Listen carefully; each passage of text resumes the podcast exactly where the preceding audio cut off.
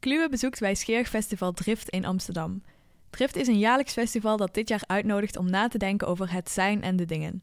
De gasten worden geprikkeld door lezingen, kunstinstallaties, poëzie-interventies, veel gekeuvel, gedans en op tijd een biertje. Vanuit de studio in Vondel CS gaan we in gesprek met Arjen Kleinherenbrink. Arjen is filosoof aan de Radboud Universiteit Nijmegen en onderzoekt daar de verhoudingen tussen mens, ecologie en technologie. En we spreken met hem over vervreemding en de mythe van authenticiteit.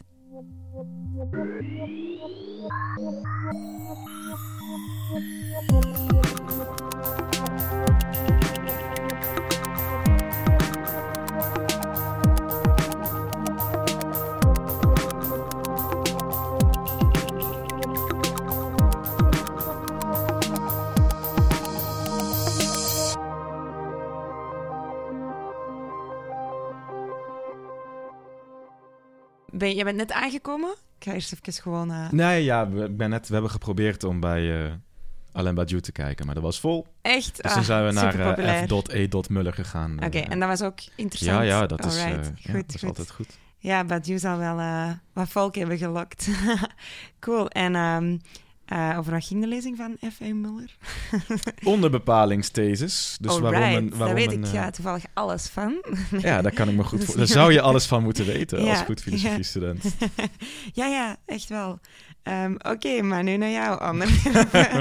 dus um, Arjen, welkom in de ja, studio opnieuw. Dankjewel. Um, jij gaat in jouw lezing, die straks begint over een half uurtje mm -hmm. of mhm. zo, of over een uurtje, spreken over de mythe van authenticiteit. Mm -hmm.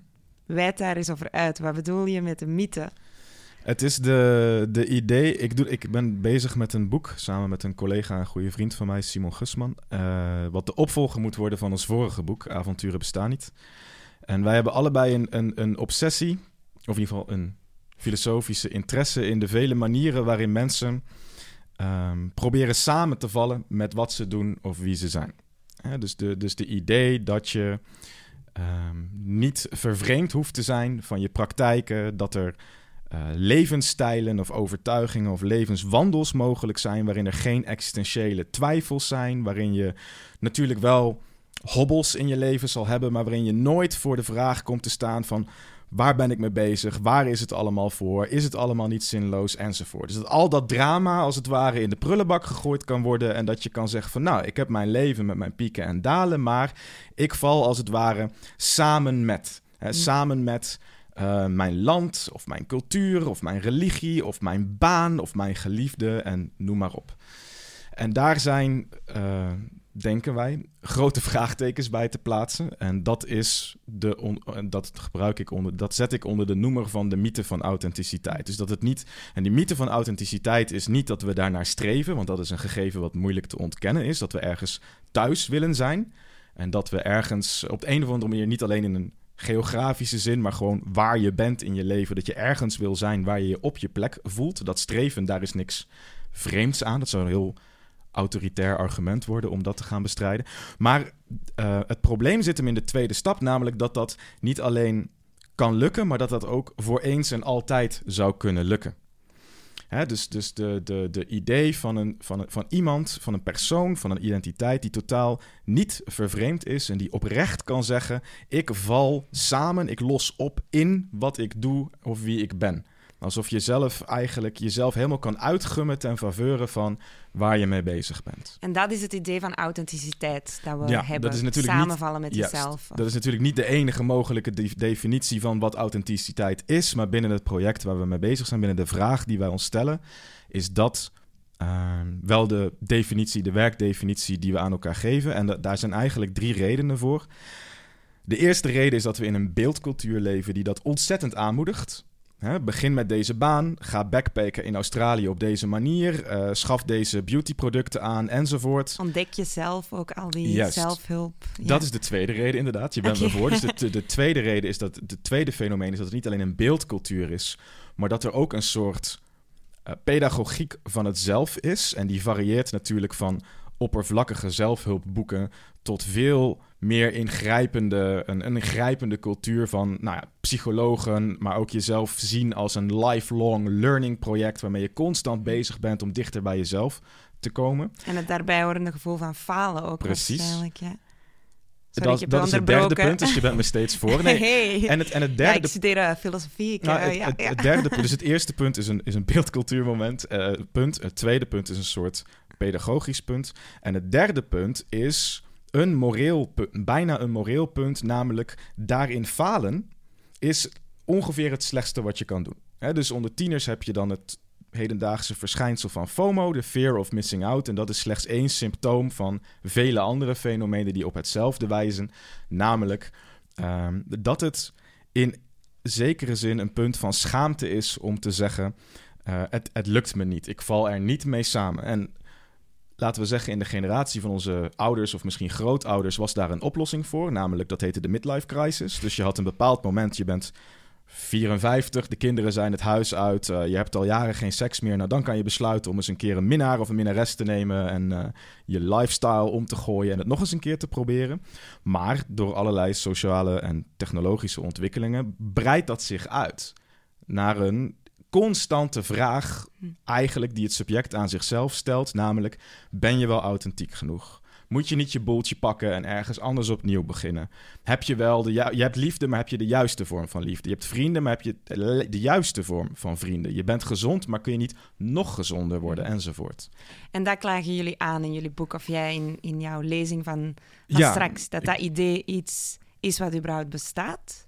Eh, ja, Die dat is, dat, is denk ik voor Simon en mij is dat, dat waar, waar eh, onze beide onderzoeksinteresses in samenkomen. We hebben ook nog meer, gelukkig zijn we in meer geïnteresseerd dan, dan dat alleen. Maar het is, het is een zeer interessant iets, omdat er heel veel filosofische thematiek precies op dat punt samenkomt met heel veel, laten we zeggen, gedrag. Met heel veel zaken die er in de samenleving, eh, in de samenleving spelen. Van, van zeer individueel psychologisch niveau tot een soort, tot ook collectieve politieke fenomenen. Het is bijvoorbeeld ondenkbaar dat dat, dat niks te maken zou hebben met eh, bijvoorbeeld de golven van populisme en dergelijke die, die, die we nu zien en met identitaire ehm, strevens aan allebei de kanten van het politieke spectrum. Dat heeft allebei heel veel te maken met laat ons onszelf zijn. Hè, Er is iets in de wereld dat ons vervreemdt van wat we waren of van wat we zijn of van wat we kunnen zijn. Nu is daar op zich niks mis mee. Dat is waarschijnlijk waar Ja. politiek in de essentie om draait. Maar het gaat ons om die extra stap van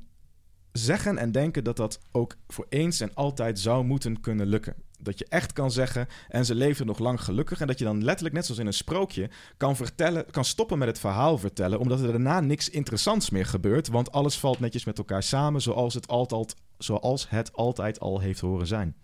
En waarom denk je dat dat niet kan lukken? Omdat, eh, de, omdat de, de, de fout die we maken is dat we denken dat er twee soorten levens of delen van levens of activiteiten mogelijk zijn. Namelijk vervreemdende activiteiten aan de ene kant, waarin ik iets van mezelf kwijtraak. En aan de andere kant niet vervreemdende activiteiten. Dus iets waarin ik geen moeite hoef te doen om samen te vallen met iets anders, omdat dat andere wat ik doe helemaal resoneert met wie ik in het diepste van mijzelf ben. Die morele splitsing is volgens mij incorrect. De vraag is niet hoe kun je vervreemding vervangen door niet-vervreemding. De vraag is slechts welk soort vervreemding wil je hebben en waar kun je mee leven. En ik denk dat zeer basale alledaagse fenomenen daar dat ook eigenlijk heel goed laten zien. Dus ehm één ding waar ik het vanavond over ga proberen te hebben is de meest authentieke intieme relatie die we ons meestal kunnen voorstellen is die van liefde. Maar als je de. En natuurlijk is het ook zo dat in de beeldcultuur liefde vaak opgehemeld wordt tot iets dat bijna te mooi is om waar te zijn. Dat je letterlijk de ware kan, kan vinden en je kan elkaar in de ogen kijken. En dan is het opeens allemaal, na wat onhandig gestuntel door Hugh Grant en een willekeurige mooie actrice, komt het na anderhalf uur allemaal goed, omdat het de ware is. Terwijl iedereen die wel eens liefde heeft gehad en in een relatie heeft gezeten, weet dat dat gewoon een min of meer krakkemikkig project is, waarin je vaak aan het gokken bent wat je zelf wil, aan het gokken bent wat de ander wil. En er is daar ook nog een derde ding in het vak, in, een derde factor in het spel, namelijk je bent aan het gokken wat jouw relatie nodig heeft. Dat is ook nog een zaak. Dus het is niet dat je in liefde alleen maar met jezelf en de ander resoneert, of de anderen resoneert in iets heel moois. Er is ook nog dat construct, die brug tussen de twee of meer partners, die je de liefde noemt, waar je aan werkt. Daarom zeggen we ook, ik werk aan mijn relatie. Hm. Het zou heel gek zijn als wij een relatie hebben en ik zeg tegen mijn, vrienden, vraag, oh, gaat het? En ik zeg, ja, ik werk aan mijn partner. Dat, is, dat, dat zou vreemd zijn. Dus, de, Dus er is een soort er is een soort entiteit in het niet, dat dan die relatie is. En dat Mhm. is de brug tussen ons twee. Is dat wat jij noemt Precies. Ja. ja.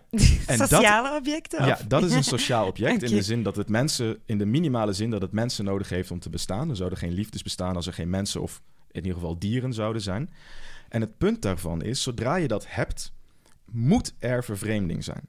Er moet vervreemding zijn omdat ieder sociaal object per definitie onderhoud vereist. Hm. Wat niks te maken heeft met de initiële functie van dat sociaal object. Daar hebben wij niet bedacht. Dat is een punt van Jean-Paul Sartre uit de kritiek van de dialectische reden. En die neemt het voorbeeld van een huis. Dus waarom bouwen mensen, waarom bouwen mensen huizen? Nou, je wil een onderkomen en in dat onderkomen wil je veiligheid enzovoort. Maar zodra dat huis bestaat, gaat dat huis allerlei eisen aan jou stellen die niks te maken hebben met veiligheid en warmte en beschutting. Namelijk, je moet het verven en je moet de riolering fixen en je moet de kozijnen bijkitten en je moet met z'n allen als samenleving bakkeleien over wat eigendom is en waar de grenzen zijn en waar de rechten en plichten over jouw huis ophouden en starten. En dat staat allemaal in functie van dat onderkomen willen hebben en daar veilig en warm en plezierig willen zijn. Maar het is evident dat dus het creëren van zo'n object, zo'n letterlijk zo'n onderkomen waar je met één of meerdere mensen in kan zijn, dat dat gepaard gaat met een onmiddellijke eis om allemaal triviale klusjes te gaan doen waar je geen zin in hebt. En die helemaal niet veilig of fijn of wat dan ook zijn. En de stelling is dat dat geldt voor alle sociale objecten die we bouwen. En Sartre noemt dat daarom ook vampierobjecten. Zodra je iets van ze vraagt, eisen ze als prijs dat ze jou ook een beetje mogen uitzuigen en kunnen, om een eh, lelijk woord te gebruiken, kapitaliseren op jouw tijd en op jouw energie en op jouw middelen.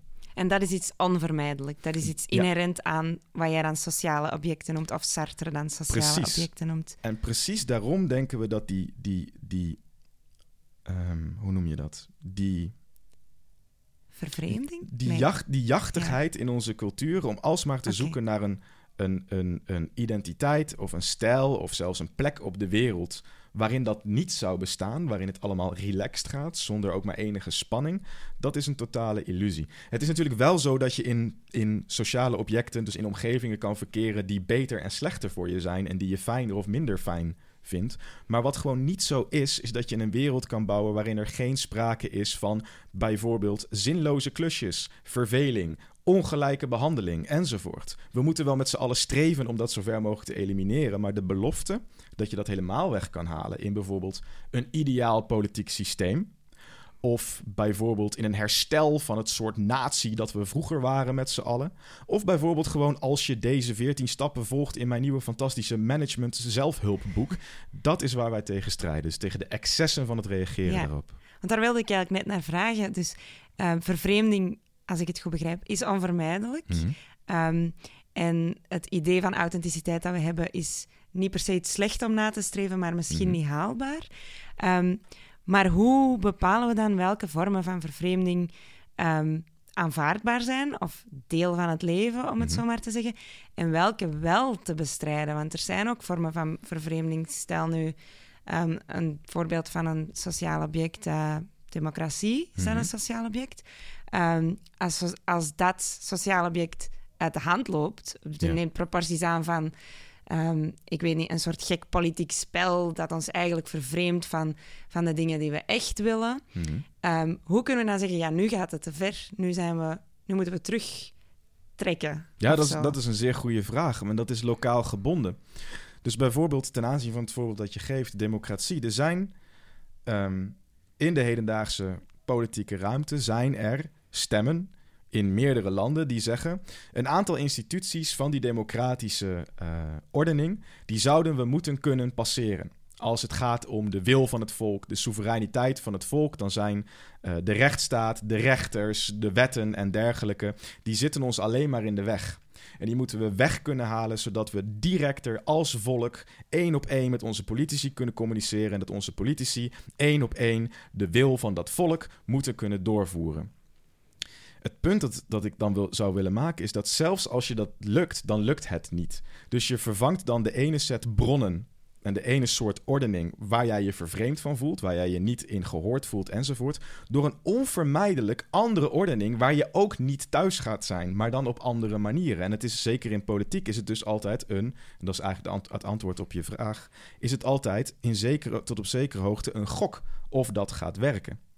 Hm. Dus bijvoorbeeld de creatie van de welvaartsstaat na de Tweede Wereldoorlog lijkt een goed plan. Waarom is het een goed plan? Omdat mensen denken, nou, de vrije markt is tot op zekere hoogte een goed idee, maar ongebreideld kapitalisme moet er niet zijn. Dus we moeten een heleboel buffers en sociale zekerheid hebben om te zorgen dat de grote, hè, de, de massa der menselijkheid niet massaal uitgebuit en vertrapt gaat worden.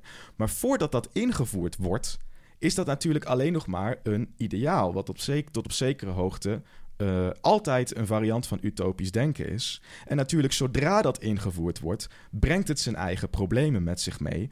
Totdat je op een gegeven moment weer gaat zeggen van nou, nu is dit systeem hm. het systeem waar we te veel vervreemd van zijn en waar we te veel vanaf moeten. Dat is allemaal natuurlijk, maar de belofte dat je er van voor eens en altijd vanaf kan, dat is een fictie. Ja. Maar misschien is dat ook wel juist mooi dat je dan uh, als we dat idee zouden kunnen internaliseren of zo, dat je ook weet dat het een continu project is of zo. En, en ook, want wat ik nu hoor is dat moesten we denken dat die authenticiteit bestaat en er plotseling zijn, dat we daar misschien ook in zouden kunnen berusten en niet meer willen verder bouwen aan uh, hoe het beter kan of zo. Dus dan zou je zeggen dat je dat, je dat ideaal nodig hebt om, om, om, om aan de gang te blijven. Misschien, maar aan, ook het besef zou ik denken, als ik meedenk met u, ehm, dat die vervreemding erbij hoort of zo. Dat het altijd uh, een soort slinger is die dan, of zo hoor ik het toch, dat het dan terug. Uh, dat er dan terug een vervreemding komt of terug uh, manieren waarop het weer beter kan worden. Ja, dus de, vraag, de, de, de juiste vraag is dus niet in welke situatie Ehm, kan ik eindelijk berusten in de wereld en zal er geen frictie meer zijn? Nee, de juiste vraag, om je, de juiste existentialistische vraag om jezelf altijd te stellen als individu en als groep is: welke moeite willen we doen? Accepteren dat elke sociale ordening, elke vorm van leven er één is waarin er talloze vormen van vervreemding, afstand enzovoort zullen bestaan. De enige vraag is: welke zijn welke vormen van die in dat hele spectrum zitten, zijn degene die, die de moeite waard zijn om onze tijd en energie aan uit te geven. Dat is bijvoorbeeld ook denk ik, de enige juiste duiding van elk emancipatoire project. Elk emancipatoire project dat zegt, nou, we willen deze individuen of deze groepen een volwaardiger bestaan geven, in welk domein dan ook, op welke manier dan ook, kan nooit het project zijn van, want we willen al hun problemen en al onze problemen in zichzelf en onder elkaar voor eens en altijd afschaffen. Nee, een, emancipa een emancipatoire project kan alleen maar betekenen... wij willen een gelijkere verdeling van de problemen die we met z'n allen hebben... waarin bepaalde individuen en groepen niet op onevenredig benadeeld worden en onevenredig veel last op de schouders krijgen. Hmm. Maar het is geen poging om die problemen volledig af te schaffen. Dat kan namelijk niet. Oké. En ehm, een laatste vraag misschien. Hoe gaat het boek heten dat je gaat uitbrengen? De werktitel is nu Identiteit als vervreemding. Oké, cool. Omdat de, de meta... Een, een tweede stap zou dus zijn hmm. dat ook ons denken over identiteit zou het zou meer opleveren om niet over identiteit te denken in termen van wat ben je nou waar je één op één mee samenvalt, want dat kan niet. Maar zodra je nadenkt over je identiteit in termen van die dingen waar je moeite in, het, in aan het steken bent, zonder dat al die activiteiten noodzakelijkerwijs jou helemaal samen doen vallen met een of ander geweldig iets waar jij toevallig voor gaat, dan heb je een realistischer beeld van waar je mee bezig bent.